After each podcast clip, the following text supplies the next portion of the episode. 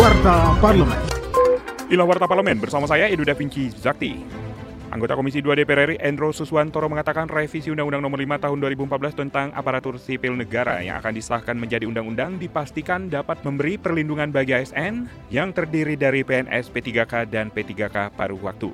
Politisi fraksi PD Perjuangan itu mengungkapkan Komisi 2 DPR terus mendorong pemerintah untuk melakukan pendataan dan audit secara transparan terhadap honorer yang ada di seluruh daerah.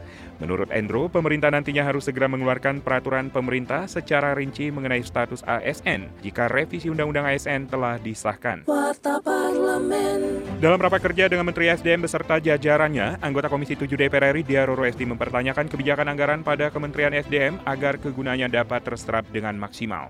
Jadi intinya dengan anggaran yang telah disiapkan untuk masing-masing kedijenan ini yang berkaitan mengenai sektor transportasi, saya mohon sekali inovasinya lah gitu. Uh, jadi uh, apa namanya langkah jangka pendek, menengah hingga panjang apa saja yang harus kita lakukan berdasarkan uh, kebijakan anggaran yang sudah kita tetapkan hari ini. Jadi kami menantikan terobosan-terobosan dari Kementerian SDM karena sektor energi ini merupakan salah satu sektor yang terbesar ketika kita berbicara mengenai um, emisi. Kinerja Wakil Rakyat simak di media sosial TVR Parlemen. Sarapan kerja dengan Mendikbudristek, Wakil Ketua Komisi 10 DPR RI Abdul Fikri Fakih mengungkapkan rasa prihatinnya terhadap persoalan literasi di Indonesia saat ini. Karena data yang dikeluarkan UNESCO, minat baca masyarakat Indonesia hanya sebesar 0,001 persen atau satu dari seribu orang yang gemar membaca.